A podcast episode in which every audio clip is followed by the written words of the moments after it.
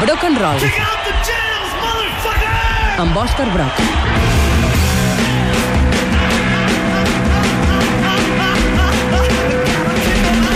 Quan fa que no es parla de Black Mirror, Roger, ara mateix? Pocs segons, Deu, deu sí. segons. jo espero que entre vosaltres, tots oients, no només l'hagueu vist de dalt a baix, la nova temporada, sinó que l'hagueu tornat a veure per trobar-hi nous i rics matisos. Uh, Òscar Broc, el teu cas és, els has vist els sis, ja, els nous? Sí, sí, tots, tots. De totes formes, jo tinc constància de que tothom ha vist la sèrie perquè és que tothom s'ha encarregat d'anunciar-ho a les seves xarxes socials. És veritat. a dir, amb, amb, Black, amb Black Mirror passa el mateix que està passant amb sèries com Juego de Que, Tronos. que, a que, la que gent- irònic, que irònic, no? que Black Mirror eh, es mogui gràcies a les xarxes socials. Mira, acabo de treure un article a que parla precisament d'això, que és nosaltres protagonitzant el nostre episodi de Black Mirror mentre veiem Black Mirror. Meta- és, meta Black meta, Mirror. Meta Black Mirror, una cosa absolutament boja que ens està passant i que és real. Ha tornat la sèrie, aquest cop, eh, amb eh, regust nord-americà, sota Eh. l'empart de Netflix, que ha donat a eh, Charlie Brooker més pasta i més, i més mitjans, no?, per augmentar el número d'episodis, comptar amb la senyora Bryce Dallas Howard, que apareix al el primer primer episodi, capítol. ah, exacte, una actriu, una actriu molt consagrada i coneguda.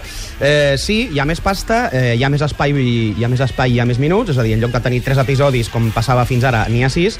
El que passa que, bueno, a molta gent eh, no li ha acabat d'agradar aquest, aquest fitxatge per, per les grans lligues de, de Black Mirror, no?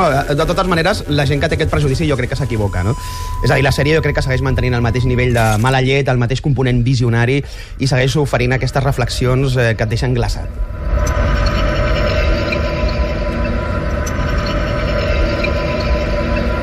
Que quan comences un capítol de Black Mirror, eh, la sensació és, com que a més a més són històries eh, eh, individuals, vaja, que van separades, dius, dona'm, dona'm, dona'm, do- el que vulguis, t'ho compro tot. No teniu aquesta sensació? Sí, amb altres sèries estàs allà més, però amb aquesta és...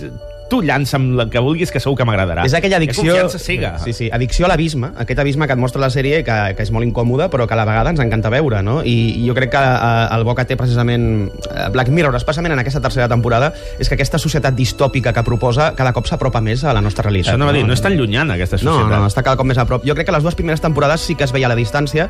Potser pensaves, ens estan parlant de, del futur, potser dels nostres nets, però jo crec que la tercera temporada hi ha episodis, especialment el primer, que està parlant del nostre futur. I llavors, Uh-huh. que precisament jo crec que per això el primer episodi ha sigut el que més impacte ha causat entre la gent. És un episodi, ràpidament que explico, on la gent es valora a si mateixa com una mena d'Instagram a nivell colossal, en el qual tu veus pel carrer algú i li, li dones estrelles si t'ha contestat bé pel, o, o t'ha saludat o s'ha comportat de forma simpàtica amb tu. L'interessant aquí és que la gent està ponderada de si és més o menys guai. Eh? Exacte. Vull dir, en aquesta ficció, si et fa like la Dulceida, et puja a tope Exacte, el teu guaiisme. En canvi, et fa like l'Albert, que és el teu company de feina, Sí, sí, i et sí, puja sí. un Normal.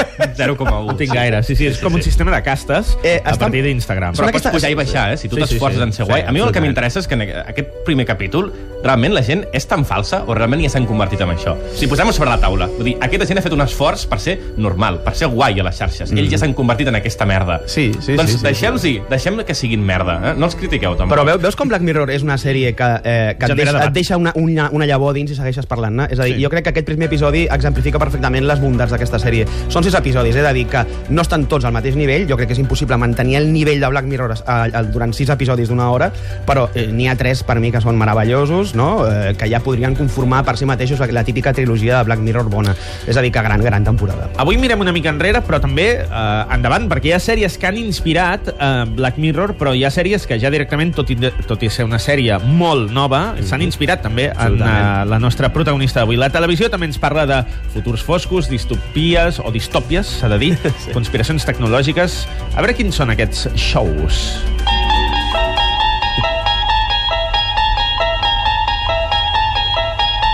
You unlock this door with the key of imagination.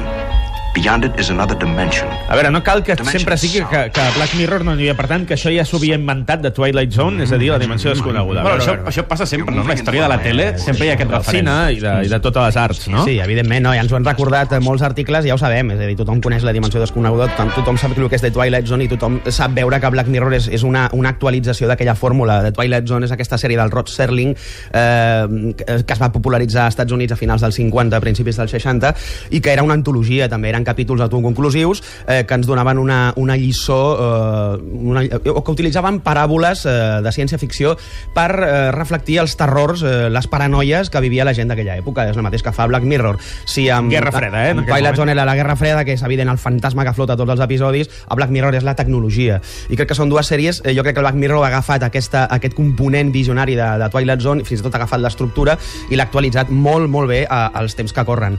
Eh, dir també que aquesta sèrie de, de Rod Serling, hi ha una altra sèrie també de Rod Serling, que es deia The Night Gallery, també, que és una sèrie també antolo- d'antologia, que jo crec que també influen, influencia molt a Black Mirror, però també és una sèrie de Night Gallery sorgida al, a l'estela de Twilight Zone. O sigui que si hem d'assenyalar la gran influència, evidentment, és de Twilight Zone.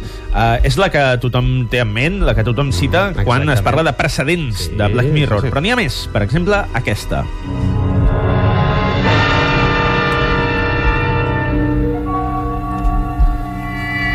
nothing wrong with your television set. Eh? Eh? Jo, en, en aquest cas, ara Tele és parlem... el mal, no, no ho és. Parlem dels altres límits. Jo vaig veure la que, es, la que es feia als 90 Sí, sense saber que venia d'un lloc, que era d'ella mateixa dels anys 60. Vull dir, si amb Twilight sí, Zone sí, passen tot, jo als 90 és quan em vaig adonar que tot tenia el seu precedent. Sí, jo, era, sí, jo era sí. adolescent i ja pensava, tot té el seu precedent. Jo sol a casa tot jo. mirant sci-fi. The Twilight Zone no, The Outer Limits és la, la sèrie que es va estrenar uns anys després de la Dimensió Desconeguda. És una sèrie, evidentment, que, que, que, es, que es va inspirar en The Twilight Zone a l'època i en el seu èxit, però que, contràriament a les còpies o les fotocòpies que, que acostumen a passar a la televisió, era tan bona i tan de culte com The Twilight Zone perquè tenia grans escriptors, entre ells un dels seus creadors era el guionista de Psicosis, és a dir, que no era, no era un qualsevol. No? The Outer Limits era el mateix plantejament que The Twilight Zone, però jo crec que amb un component encara més fosc, amb textures encara més inquietants i amb missatges encara, jo crec que més foscos, sobretot molt, molt, molt centrada en el que és el, el, el fantàstic, la ciència-ficció i l'horror.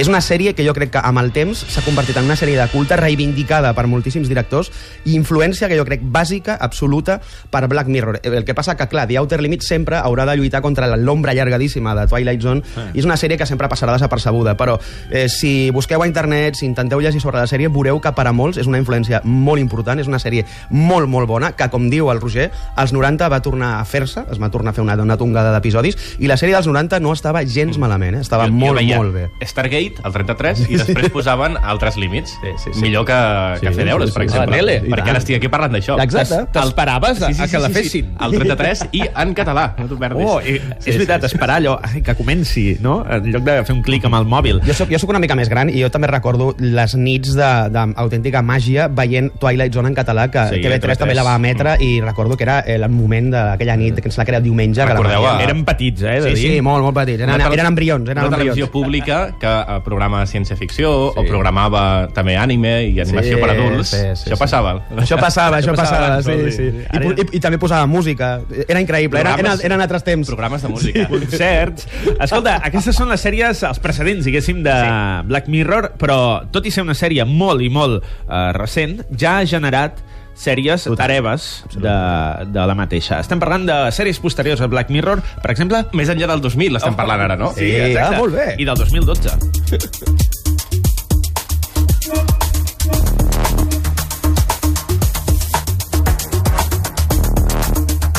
Real Humans. Sí, i tant. Eh, jo crec que és una de les sèries clarament inspirades en l'univers eh, Black Mirror. I, de fet, Real Humans, per mi, és un capítol de Black Mirror de, de dues temporades. Dir, M'explico el que et vull dir. És una sèrie... Aquesta no és autoconclusiva, eh? No, no, és una sèrie continuada, és una sèrie danesa eh, que utilitza la mateixa estètica, aquesta estètica freda, eh, antisèptica de Black Mirror, eh, inquietant fins i tot, per explicar-nos, eh, per portar-nos a un futur distòpic en el qual els humans conviuen amb androides, dir, els androides s'han convertit eh, en, en eines de companyia dels humans que els ajuden en moltíssimes feines i en moltes coses, fins i tot són els seus companys sexuals, eh, eh, són els amics, de, els amics del, dels vostres fills, és a dir, poden fer moltes coses per la, per, pels humans. El que passa que, de sobte, una d'aquestes una facció d'aquests androides desenvolupa consciència, desenvolupa sentiments i decideix escindir-se dels humans. Llavors, Un clàssic, eh? Sí, sí, és un clàssic. La sèrie eh, explica aquest conflicte, explica la relació eh, impossible entre, entre els éssers humans i aquest clúster androide que, que cada cop és més gran i que cada cop el tenim més enquistat en la nostra vida i jo crec que eh, és una sèrie mm, que té tots els components eh, que marquen a Black Mirror. No? Fiques fins i tot en l'estètica i la música em recorda Black Mirror. Si us agrada Black Mirror, Real Humans us tornarà És una, absolutament una sèrie del 2012, ho dic bé? Sí, I 2012. ha acabat ja? Sí, sí, ha acabat, ha acabat, és danesa. Van fer un remake americà que no està gens malament.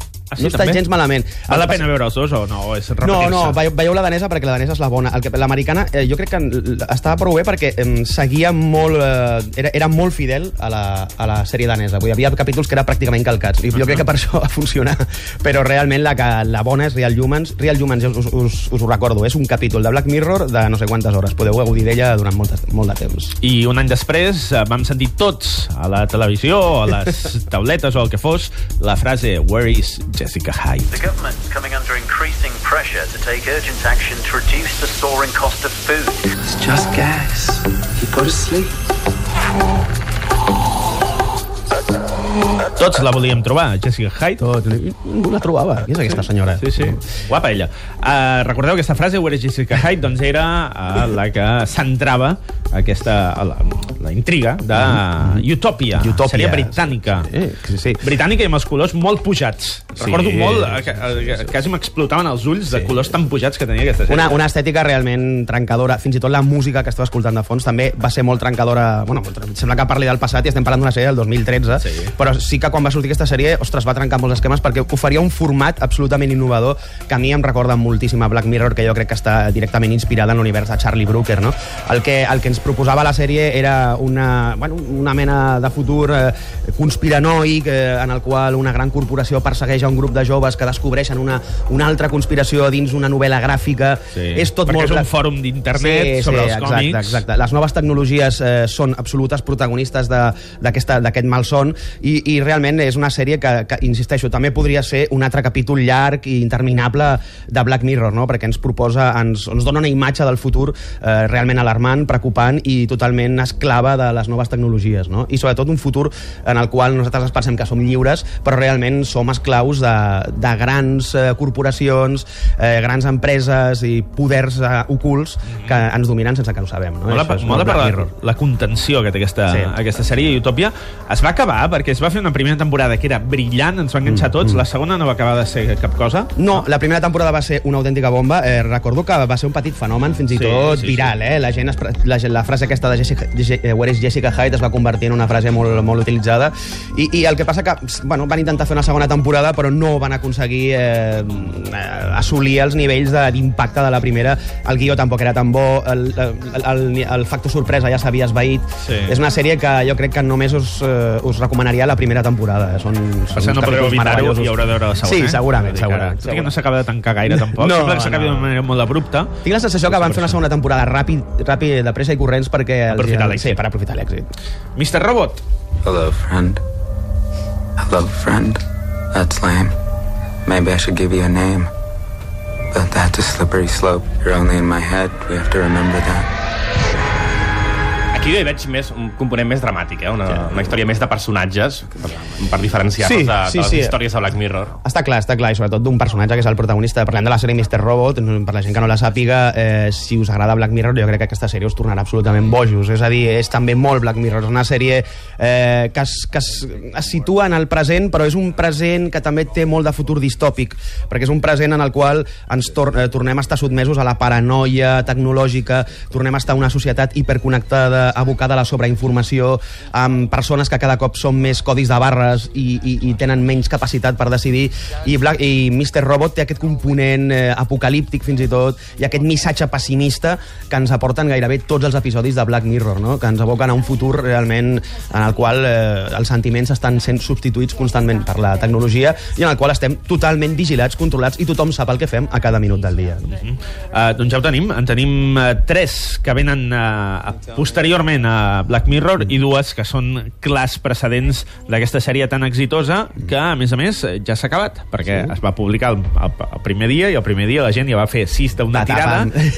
És el que passava abans, que les sèries les podies digerir. És culpa tot d'internet. Internet, internet és el mal. Internet ha acabat amb, amb el temps. Sí. Ara només hi ha l'espai, el sofà. escolta, aquí hem donat algunes referències, però jo crec que la grandesa de Black Mirror precisament és que és molt més que tot el que hem donat aquí. Això són referències per, perquè la gent s'orienti i vegi coses que s'assemblin, però és que Black Mirror també és el club de la lucha. Black Mirror és el show de Truman. És tantes sí. referències... És el, eh, 1984. No sé, eh, són moltes referències referències eh, literàries, culturals, musicals, ficades en una sèrie, jo crec que per això també triomfa. No? Mm -hmm. Doncs escolta, ja ho tenim fet. Uh, no tenim gaire sentit comú nosaltres a la que ens posem a, a, a navegar, a navegar pel, pel ciberespai i a veure sèries com si no hi hagués demà. Sort que hi ha Joan Colomo, que ens canta això, precisament, el sentit comú. Broc, ens veiem dimecres de la setmana que ve. Fins dimecres. Adéu. Bé.